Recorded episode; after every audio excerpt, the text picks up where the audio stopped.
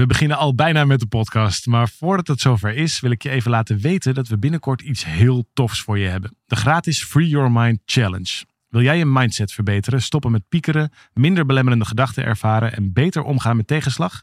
Schrijf je dan in voor deze challenge via www.365dagensuccesvol.nl slash challenge. Het is van 26 mei tot en met 29 mei en ik heb er heel veel zin in. We beginnen nu met de podcast.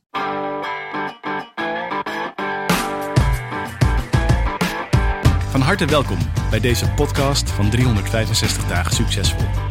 Wij zijn David en Arjan en we delen in deze podcast de eye-openers die cruciaal zijn voor een gelukkiger leven. Van harte welkom bij deze podcast van 365 dagen succesvol. Tegenover mij staat David, ik ben Arjan. En wat ik leuk vind is dat we nog steeds, en inmiddels ligt ons eerste boek al zeven jaar in de winkel, maar dat we nog steeds reacties krijgen op de quote een goed leven is het grootste gevaar voor een geweldig leven. Dat staat daar ergens op een van die bladzijden. In hoofdstuk 2 of 3 zeggen we: uh, een goed leven is het grootste gevaar voor een geweldig leven. Dat dat voor veel mensen op een of andere manier nog steeds zo'n prikkel is, of zo'n schop onder de kont, of iets om over na te denken, of misschien in sommige gevallen zelfs om boos over te worden. Waarom denk je dat dat is? Dat uitgerekend die quote: een goed leven is het grootste gevaar voor een geweldig leven, dat die zoveel losmaakt. Nou, ik kan me daar in ieder geval wel iets bij voorstellen. Dat je. Moet je voorstellen dat je leven een cijfer geeft en dat is gewoon een 7 of een 7,5 of misschien zelfs wel een 8. Dan denk ik, nou, het gaat allemaal hartstikke goed. Ik heb eigenlijk niks te klagen. Ja, ik mag niet klagen. Ik mag niet klagen. Ik heb het goed voor elkaar. Ik heb een dak boven mijn hoofd. Ik heb een leuke partner. Ik verdien, ik verdien prima. Het, Ja. het- het- ik kan op vakantie waar ik naartoe wil. Eh, en, en ja, nou, het gaat eigenlijk allemaal wel goed. Ja, En dan kan ik me best wel voorstellen dat je. En wij zitten nogal op het creëren van noodzaken. En, en dat het soms helpt om. Wij schrijven in het boek, geloof ik, zelfs letterlijk. eh, steek je huis in de fik. Dat bedoelen we niet. Dat bedoelen we dan weer niet letterlijk. Maar dat, het helpt. Het is wel vaak zo dat vanuit crisis of vanuit een bepaalde noodtoestand. ja. dat er de mooiste dingen ontstaan. Als de pijn groot genoeg is, is dat de grootste motivator om dingen anders te gaan doen. Ja, en dat is volgens mij ook de reden waarom die quote zo aanslaat. Kijk, we hebben natuurlijk inmiddels in Nederland met elkaar de dingen zo ongelooflijk goed geregeld. Dat het. En da- daar zitten vooral heel veel goede dingen aan. Hè. Laat me dat alsjeblieft ook niet op een weg maken. Ik ben Mhm. heel blij dat we dit zo goed doen met, met elkaar. Maar wat het ook doet, is dat het een bepaald soort, nou hoe zeg je dat, ingeslapenheid of zo veroorzaakt. Of dat er weinig reden is tot innovatie of tot transformatie. Omdat ja, opeens hebben we ook met z'n allen wel het een en ander te verliezen. Je ziet het zelfs in grote politieke debatten, als het, of het nou gaat over pensioenleeftijd of over klimaatverandering, dat de meeste mensen zeggen van nou, eh, ho, ho, ho, eh, rustig aan, want eh, de- kijk eens hoe goed het gaat. Er gaan ook heel veel dingen goed, laten we alsjeblieft niet te veel veranderen. En ondertussen worden problemen steeds groter. Ja. En ik denk dat er nog een ander, veel belangrijkere motivator in zit om wel af en toe noodzaak te creëren. Namelijk dat je je veel gelukkiger voelt op het moment dat dingen ineens wel lukken waarvan je nooit voor mogelijk had gehouden dat ze überhaupt zouden kunnen lukken. Ja. Dus volgens mij is het leven niet bedoeld, ja, dat is mijn zienswijze in ieder geval, niet bedoeld om zonder kleerscheuren door te komen. Nee. Dat je een soort eh, dichtverzekerd, risicovrij bestaan hebt. Dat Ja. lijkt wel heel aardig. Maar op het moment moet je je voorstellen dat je, dat je even in een soort tijdmachine naar het einde van je leven kan. En dan eh, zit je net nog even op de rand van je eigen sterfbed. En dan kijk je terug en dan denk je, ja, wat heb ik er nou eigenlijk van gemaakt? Ja, het is wel goed gelukt om dit risicovrij, niet al te veel ups, niet al te veel downs. Het is allemaal mooi, veilig, zo. Ja, het zou mijn einde niet zijn. Nee. Dus, en zonder het nou te willen zeggen dat alles maar rock and roll en, en Rollercoaster. rollercoaster en steek maar de hele boel in de fik de hele tijd. Helemaal niet. Maar wel dat je bewust kiest, in ieder geval zo doen wij het, voor je eigen problemen. Wij creëren problemen. Nou, als je goed kijkt naar hoe verandering werkt, dan helpt het volgens mij als je weet dat daar twee ingrediënten nodig zijn. In eerste instantie helpt het als je een plek hebt waar je graag heen wilt. Dus dat zou, dat zou je je verlangen kunnen noemen, of je perspectief, of je droom, of datgene wat je graag wil doen met je leven of wil bereiken. Het zijn misschien ook wel je goede voornemens op, eh, eh, aan het begin van het jaar. Maar dat alleen is niet genoeg. Als je alleen een verlangen hebt, er zijn heel veel mensen met verlangens. Of heel veel mensen met dromen over zichzelf of wensen. Misschien nog een keer een wereldreis. Misschien een keer een andere relatie. Misschien een keer voor zichzelf beginnen. Misschien een keer wat het ook maar is. En dat zal nooit werkelijkheid worden op het moment dat je het niet ook combineert met dat tweede ingrediënt. En dat tweede ingrediënt, nou ja, misschien plat gezegd, is het pijn. Op het moment dat je je hand brandt aan een pan, omdat die eh, heet staat te worden op het vuur, dan doet je lichaam automatisch, weet automatisch dat het zich heeft terug te trekken. Dus zonder dat je erover hebt nagedacht, trek je je terug. Er is direct urgentie, er is direct een reden om te veranderen. Alleen in ons gewone leven is die reden er volgens mij vaak niet. Want als je kijkt naar. Joh, het heeft voor mijzelf ook jaren zo gegolden. Hè? Dat, uh, inmiddels weet ik hoe je het ook anders kunt doen. Maar ik zie het nu nog wel steeds bij veel andere mensen of bij vrienden om me heen. Dat ze wel een soort van idee hebben wat ze graag anders zouden willen. Maar ja, weet je, als je het niet nu verandert. Als je niet nu opeens gaat sporten. Als je niet nu opeens stopt met roken. Als je niet nu opeens toch gaat kijken of je je carrière niet anders wil inrichten. Als je niet nu opeens dat moeilijke gesprek gaat voeren met die of die. Ja, dan kom je er ook wel mee weg. Weet je, dan gaat je leven ook wel door. En voor je het weet is het weer een jaar later. En zitten we weer gewoon over precies diezelfde goede voornemens te praten. Ja, en dat is natuurlijk helemaal prima als dat voor iemand prima is. Alleen, het zou mijn leven niet zijn. En als je kijkt naar hoe wij dat dan doen, bijvoorbeeld, uh, nou, laat, ik, laat, laat ik beginnen met een, een veel makkelijker dichtbij voorbeeld. Ik had ooit, nog niet eens zo heel lang geleden, had ik de, de, de wens of het verlangen om motor te kunnen rijden. Hm, noem dat maar een makkelijk voorbeeld. ja, jij kent de afloop van dit verhaal. Het leek een makkelijk voorbeeld. Nou, en en dat, dat is ontstaan omdat een aantal van mijn betere vrienden heel erg veel plezier hebben aan het rijden van motor. Dus die weten daar veel van, die poetsen dat ding regelmatig. Dus dat, dat is een soort mannending, denk ik. Of Oh ja? in ieder geval, ah, nou trouwens, ik heb ook een hele goede vriendin die heel erg van motorrijden. Maar in ieder geval, je, je snapt wat ik bedoel. Zo'n zo'n passie-ding. En wist ik veel. Ik denk, nou ja, bleek mij dan wel leuk om dat ook zo te hebben. Om, om echt zo'n passie te hebben. Ook een beetje een symbool voor vrijheid en rock and roll. Misschien, misschien. Ja, ja. En ik was natuurlijk ook Had je al een midlife crisis? Precies, ik liep, liep ook net nog tegen de 40, dus het klopt allemaal helemaal in het plaatje. Ik ken mezelf, dus ik weet, oké, ik ga dan een motorrijles nemen. Dan ga ik ook gaandeweg, de tiende, twaalfde, vijftiende les, ga ik natuurlijk een keer bedenken, nou zo belangrijk is het nou ook weer niet. En misschien is het wel wat moeilijker dan ik dacht. En, nou ja, en dan, voor je het weet, heb ik, me- ben ik helemaal oké met mezelf dat ik dat rijbewijs niet haal. En toen dacht ik, dit gaat mij niet gebeuren. Ik ken het principe van noodzaak creëren, dus wat heb ik gedaan? Ik heb een vrij riante motor gekocht. Sterker nog, heb ik zelfs laten maken. Een vriend van mij die ontwerpt die dingen en die had er echt een waanzinnig ding gemaakt. Die heb ik betaald, die heb ik afgerekend, die heb ik voor mijn deur laten zetten. En ik mocht er vervolgens niet op rijden. Ja, dus daar had je opeens ook die pijn. Want dat verlangen had je al. natuurlijk. Maar nu had je opeens dat dure ding, die, die, de, de dure blik voor je, voor je deur staan. En je Ja. mocht er niks mee. Exact. Dus ik liep elke ochtend keurig netjes langs die motor naar mijn fiets of naar de auto. Of in ieder geval niet, niet op die motor kunnen zitten. En dat ging zo een tijdje door. Totdat ik op een gegeven moment inderdaad niet zoveel talent bleek te hebben voor motorrijden aanvankelijk. Dus ik had in plaats van 10 lessen misschien wel 40 lessen nodig. Ik ben op een gegeven moment de tel kwijtgeraakt. Maar het zal niet veel schelen. En ik had dus een constante motivator in de vorm van zelfgekozen pijn om dat examen te halen. Ja. Nou, uiteindelijk, een lang verhaal kort, is dat best redelijk gelukt. Bleek ik alleen niet zo heel veel passie te hebben voor dat motorrijden. Dat bezielde mij verder niet zo. Dus uiteindelijk heb ik dat ding dan ook verkocht. Maar het was wel een, een aardig voorbeeld. Ik heb dat veel vaker in mijn leven daarna zo gedaan. Van oké, ik ken mijzelf. En ik wil bepaalde dingen gewoon afmaken. Hoe kan ik mezelf, leuke metafoor, maar positief klemrijden? Ja.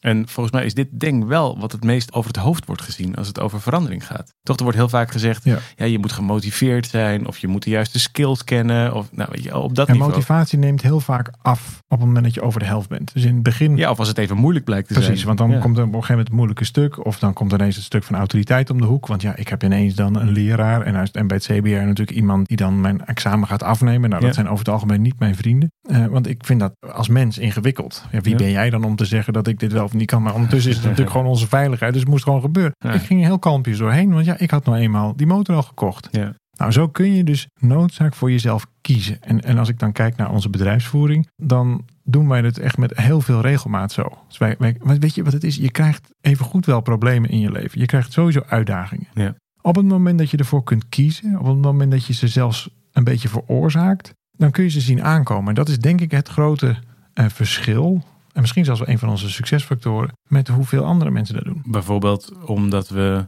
al wisten, wanneer hebben we dat gedaan? Denk ik ergens misschien in 2016 of in ieder geval aan het begin van 2017 hadden we al geboekt voor de Ziggo Dome Ja. in eind 2018. Ja, 2016 hebben we dat gekozen. Toen zijn we gaan onderhandelen, zijn we gaan kijken. Niemand nam ons serieus. Ja. Wij onszelf eigenlijk ook niet. Niet echt. Nee. Nee, en toen hebben we inderdaad januari 2017 uit mijn hoofd hebben we daar een krabbel gezet onder dat contract. En dat Ja. was het makkelijkste deel van die hele exercitie. En dat was toen nog anderhalf jaar ver weg. Ruim. Ja. We waren daar volstrekt op dat moment niet toe in staat om daar voldoende stoelen voor te verkopen. Of die zaal te vullen. Of daar onszelf staande te houden in zo'n grote zaal. En we hadden wel het verlangen. Dus dat was er al. Maar als het alleen dat was geweest, dan hadden we misschien gezegd, dat willen we ooit graag. En we kijken wel wanneer we er aan toe zijn. En dan was het misschien nu nog steeds niet gebeurd. Of nee, dan was het over een paar jaar nog steeds niet gebeurd. Nee. Dus we zijn het gewoon gaan boeken. Ja, dus ook, dit is eigenlijk ook wel een goed voorbeeld van, je hebt, je hebt inderdaad een verlangen. Nou, dat is allemaal heel leuk, kun je heel oud mee worden. Maar leidt uiteindelijk tot niks. Misschien zelfs wel tot een beetje teleurstelling. Want dan heb je wel geweten dat je het ooit had willen doen. Maar heb je het misschien niet, niet gedaan. En wij plakken er dan wel op het moment dat het kan. In ieder geval de volgende stap aan vast. Namelijk noodzaak. Ja. Nou, het boeken van zo'n ruimte, wat ik zei, is misschien het makkelijkste stuk. Maar toen begon ook de motivatie. Namelijk, het kon ineens niet meer mislukken. Want die optie bestond gewoon niet. we hadden die zaal nou eenmaal geboekt. Die heeft een behoorlijk hoeveelheid aantal stoelen. En vanaf dat moment begon dus ook onze reis niet meer in evaluerende vorm van ah, kunnen we dit wel of hoe zouden we dit nou moeten doen. Nee, toen was het gewoon. Zijn we er wel klaar die datum, voor? precies. Dat, was, helemaal niet meer relevant. Issue. Nee, het is gewoon niet meer relevant. Want ja, we hadden die keuze al gemaakt. Dus ik denk dat je heel veel van de kwaliteit van je successen, misschien zelfs wel de kwaliteit van je leven kunt herleiden aan de kwaliteit van je keuzes. Nou, en hoe maak je nou meer dan alleen maar verlangen? Door ook daadwerkelijk van dat soort, en dit zijn grote voorbeelden, het kan ook veel kleiner, maar door dat soort dappere keuzes ook zo vorm te geven dat er gewoon geen weg terug is. Kies die eenrichtingsweg. Nou ja, ik weet van mezelf op een heel ander gebied bijvoorbeeld. Vanaf mijn twaalfde jaar heb ik suikerziekte. En dat heb ik aan het begin heel intensief laten begeleiden in de puberteitjaren en toen ik studeerde. En toen ik aan het werk ging, ik denk vanaf mijn 22e, 23e, toen heb ik dat laten versloffen. Want ik was er eigenlijk ongelukkig over geworden over die begeleiding. Het, uh, het, het, voor mijn gevoel hielp het niet. Mijn suiker was nog steeds slecht ingesteld. Ik was daar vaak moe van of had daar vervelende bloedsuikers enzovoort. En toen brak er een tijd aan en die, die tijd heeft denk ik een jaar of tien geduurd. Waarin ik in zekere zin deed alsof ik niet ziek was. Dat was niet helemaal waar, want ik gebruikte ondertussen wel gewoon insuline een paar keer per dag. En uh, ik checkte het af en toe. Maar werkelijk grip op die ziekte had ik niet. En het probleem was ook net niet groot genoeg om dat te veranderen. Dus ik, ik kwam ermee weg, zeg maar. Ik, ik overleefde het. Ja, je, je kon jezelf veroorloven om de andere kant op te kijken. Ja, om de andere kant op te kijken. Niet zo vaak te controleren. Ik gebruikte die medicijnen en ik bleef ondertussen leven. En dat was oké. En ondertussen wist ik, ik ga dit later in mijn leven misschien nog wel ergens de prijs voor betalen. Maar ja, dat je later is niet nu. Ik voel het niet nu. En daar komen dan allerlei cognitieve dissonantie, allemaal verhaaltjes bij. Van nou, misschien heb ik het later, is het later wel opgelost. Of de medische wetenschap verzint wel wat. Of ik kom er misschien wel vanaf. Nou, enzovoort. Allemaal excuusjes mhm. om er niet iets mee te doen. Terwijl ondertussen maakte het me wel vaak moe. Of maakte ik me soms uh, zorgen over dat ik niet genoeg grip op mezelf had. Of niet genoeg wist uh, hoe ik op bepaalde dingen zou reageren. En als je dan kijkt naar noodzaak, wat er toen gebeurde. is heel wonderlijk, want dit is dus veranderd op het moment dat ik vader werd. Want toen ontstond in mijn hoofd opeens opeens was het niet zomaar abstracte jaren ver weg in de toekomst. die ik dan wel of niet zou hebben. in goede gezondheid, wel of niet. Maakte allemaal niet zo heel veel uit. En je leven ging over meer dan over jou alleen. Plotseling was er een verantwoordelijkheid. Ja, plotseling was er een reden om mezelf gezond te maken of te houden. Of een reden om dit serieus te nemen. En die reden was er tot dat moment eigenlijk nooit geweest. Omdat het alleen maar over mijn eigen kleine speelveldje en mijn eigen gedoetjes daarop ging. En nu was die reden er wel. En vanaf dat moment ben ik weer een internist gaan opzoeken. Ben ik andere soort medicatie gaan gebruiken. Ben ik via ja, gelukkig ook nieuwe technologie. Jouw, inter, jouw, jouw, vorige internist was zelfs overleden in de tussentijd. Ja, waar, waarvan jij niet, niet eens wist. had ik niet meegekregen. Nee, dus daar wilde ik naartoe terug. En toen, toen bleek hij dat hij er niet meer bestond. Toen leefde ze niet meer. Nee, nee. Dus dat zegt wel iets over hoe lang ik daaruit ben geweest. Echt ook uh, met mijn hoofd en mijn aandacht. Ja. En het wonderlijke is dat waar we noodzaak vaak zien als iets vervelends. Of als, uh, je, um, vaak, we hebben vaak de natuurlijke neiging volgens mij als mensen om niet ergens te veel druk op te zetten. Om altijd heel veel opties open te houden. Om harde keuzes uit te stellen. Om elke keer maar juist vanuit een soort vals idee over wat vrijheid nou eigenlijk is. Terwijl toen leerde ik van wacht eens even, dit geeft noodzaak om het wel te veranderen. Om wel nu in actie te komen. Hetzelfde als het, het is net zoals zo'n Ziggo Het is iets voor in de toekomst, maar het heeft consequenties voor vandaag. En op het moment dat je dat volgens mij voor elkaar krijgt, dat je een keuze maakt die consequenties heeft voor de toekomst, maar die iets verandert in hoe je vandaag naar jezelf kijkt, of hoe je vandaag naar het leven kijkt, of naar je eigen keuzes en handelen kijkt, dan heb je volgens mij een noodzaak gecreëerd die niet je vrijheid in de weg zit, maar juist meer vrijheid veroorzaakt. Snap je? Is dat, kan, je, kan je me volgen als ik dat zo Helemaal, ja. Nou, sterker nog, ik, ik denk dat je er nog wel een misschien wat zweveriger um, mindfulness standpunt op in kunt nemen. We krijgen namelijk, als we dit verhaal vertellen, wel vaak de vraag, ja, maar hoe zit het dan met het leven in het nu? Uh, nu ben je ineens heel erg met morgen bezig en je veroorzaakt je problemen, maar dat is toch niet heel zen en dat soort dingen? Hm. En daar heb ik over nagedacht. En het geeft mij juist heel veel rust. Ja. Omdat ik de problemen kan zien aankomen. En let wel, dit zijn zelf gekozen problemen. Maar moet je nou eens voorstellen dat dit is met dingen waar je niet voor hebt gekozen. Zoals jouw suikerziekte. Mhm. Bijvoorbeeld, daar heb je niet zelf voor gekozen. Als Nee. je dat had, op, opnieuw kan kiezen, dan zou je een andere afslag nemen. Maar alleen die, die keuze bestaat niet. Nee. Toch heb jij gekozen voor dat toekomstige probleem. Je zag ineens, hé, wacht even, ik ben verantwoordelijk en daar kan ik nu iets in doen. Ja. En ik denk dus, ook zelfs mindful gezien, dat is dus nu. Ja, het die is niet meer in de bestaat toekomst. helemaal niet. Nee, die toekomst bestaat helemaal niet. Dat is iets wat jij projecteert op de toekomst, waardoor je nu je keuzes kunt uitlijnen. Ja. En ik denk dat dat een successtrategie is. Dat op het moment dat je een dappere droom leeft, op het moment dat je, nou in jouw geval heel persoonlijk, zegt, ik wil gewoon oud worden, Ja. want ik heb kinderen en ik wil ze kunnen zien opgroeien en misschien wel kleinkinderen, weet ik het niet. Exact. Had je ineens ook de motivator in het nu Ja. om ineens heel ander gedrag te vertonen. Ook al was dat oncomfortabeler aan het begin, want ik moest opeens met die ziekte bezig en Ja, allerlei afspraken maken, dokterstoestanden toestanden, en ja, en meten, weten, wegen, ellende. Ja. Ja, je bent nou een soort wandelende robocop. ja. Daar zijn meten. nee, maar goed, het principe van de uitdagingen die je hebt, of de uitdaging als je er geen uitdaging hebt, daar alsnog voor te kiezen. Dus creëer ze dan. Ja. Zorg dat je je dus kunt uitlijnen. En ik denk werkelijk dat het, dat het zo is, in ieder geval is dat bij ons zo, dat pijn de grootste motivator is van verandering. Ja. En van die verandering, van iets wat je nu wel kunt of nu wel doet, wat je daarvoor niet deed, helpt je dichter naar jezelf toe en maakt jezelf dus gelukkiger. Ja. Ik heb een veel interessanter, leuker, gelukkiger leven sinds ik het op die manier doe. Dan in die tijd ervoor dat ik eigenlijk probeerde om de maand rustig te laten landen, financieel gezien, een keurig gezinnetje te hebben. Ja. En voor de rest niet te veel poeha.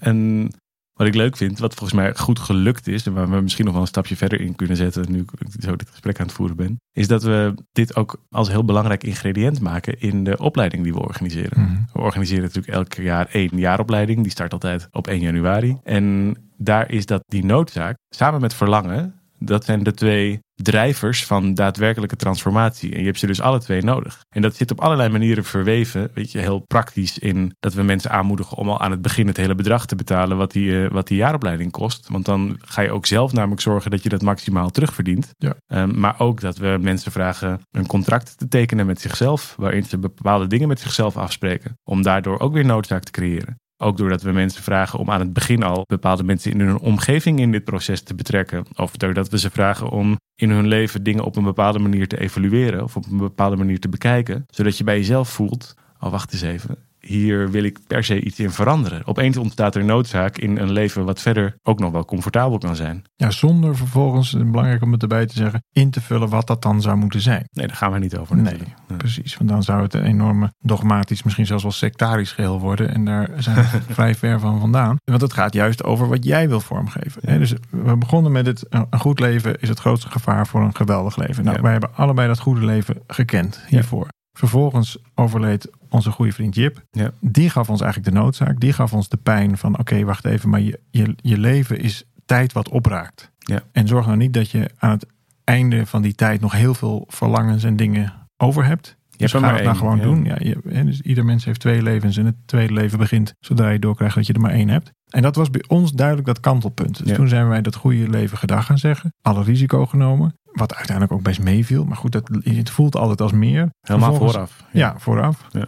En vervolgens zijn we dan die, die keuzes gaan maken. In eerste instantie in het klein en later in toenemende mate. Ik denk dat het heel goed heeft uitgepakt. En het inderdaad door de ja, omzwervingen, door de keuzes die we hebben gemaakt, heeft geleid naar wat wij zelf evalueren. Dat is natuurlijk de enige die dat maar hoeft te vinden. Ja, natuurlijk. natuurlijk. Gaat geen autoriteit maar, anders nee, precies. Nee. Dat het is gelukt om dat heel geweldig te krijgen. Ja, en dat was zonder die noodzaak niet gelukt. Dat Precies. was zonder de noodzaak van Jip niet gelukt. Dat was zonder de noodzaak van dat we ons schrijver noemden voordat we een boek hadden gemaakt. Eh, Precies. zonder dat we de, die zalen boekten voordat we er klanten voor hadden. Al, elke keer op keer op keer hebben we er een gewoonte van gemaakt om al klaar te zetten waar we wilden dat het naartoe ging. Om vervolgens er niet meer aan te kunnen ontvluchten. Dus we in plaats van onze.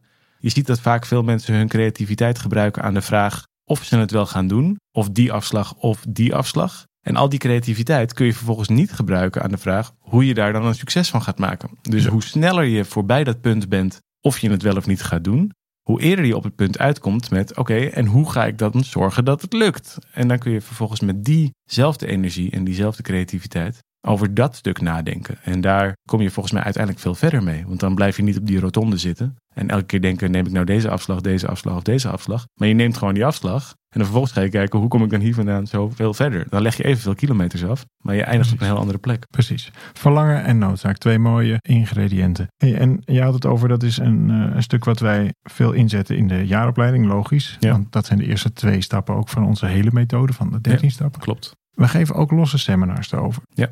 En die gaan precies over deze eerste twee stappen. Dus als jij als luisteraar nou denkt van hé, hey, dit vind ik triggerend. Kijk dan eens op 365podcast.nl en check eens of dat misschien iets voor je is. We geven regelmatig live seminars waar je ook gewoon een los kaartje voor kunt kopen. En dat Ja. gaat precies over deze twee stappen van waar verlang ik naar en hoe creëer ik nou noodzaak in mijn eigen leven om daar dan ook daadwerkelijk te komen. Ja, daar blijkt een hele techniek achter te zitten die je Precies. best wel snel bij jezelf kunt toepassen. En daar snel tot verrassende inzichten kunt komen. En zelfs in beweging. Misschien wel in een richting of met een snelheid die je niet eerder voor mogelijk had gehouden. Dus dat is sowieso een, eh, is een goede uitnodiging. Helemaal mee eens. Leuk om daar. eh, En het is nog leuk ook trouwens, by the way. Sowieso leuk. maar ja, goed, en wij vinden het altijd leuk om onze luisteraars te ontmoeten. Dus mocht Ja. je een keer zin en tijd hebben, wees welkom. Ja, voor nu veel dank voor het luisteren. Uiteraard, zoals altijd, heel benieuwd naar jouw feedback, je verhalen, je vragen, jouw ideeën, hoe jij naar de wereld kijkt en op wat voor manier je daar dit soort inzichten ook een plek in geeft. En dankjewel voor het luisteren. 365podcast.nl, zei David al. Daar vind je vervolg, daar vind je meer. En we hebben meer podcasts ook te luisteren op Spotify, op iTunes, op eh, veel plekken waar dingen te luisteren zijn. Daar zijn wij ook. En voor nu veel dank en graag tot een volgende keer.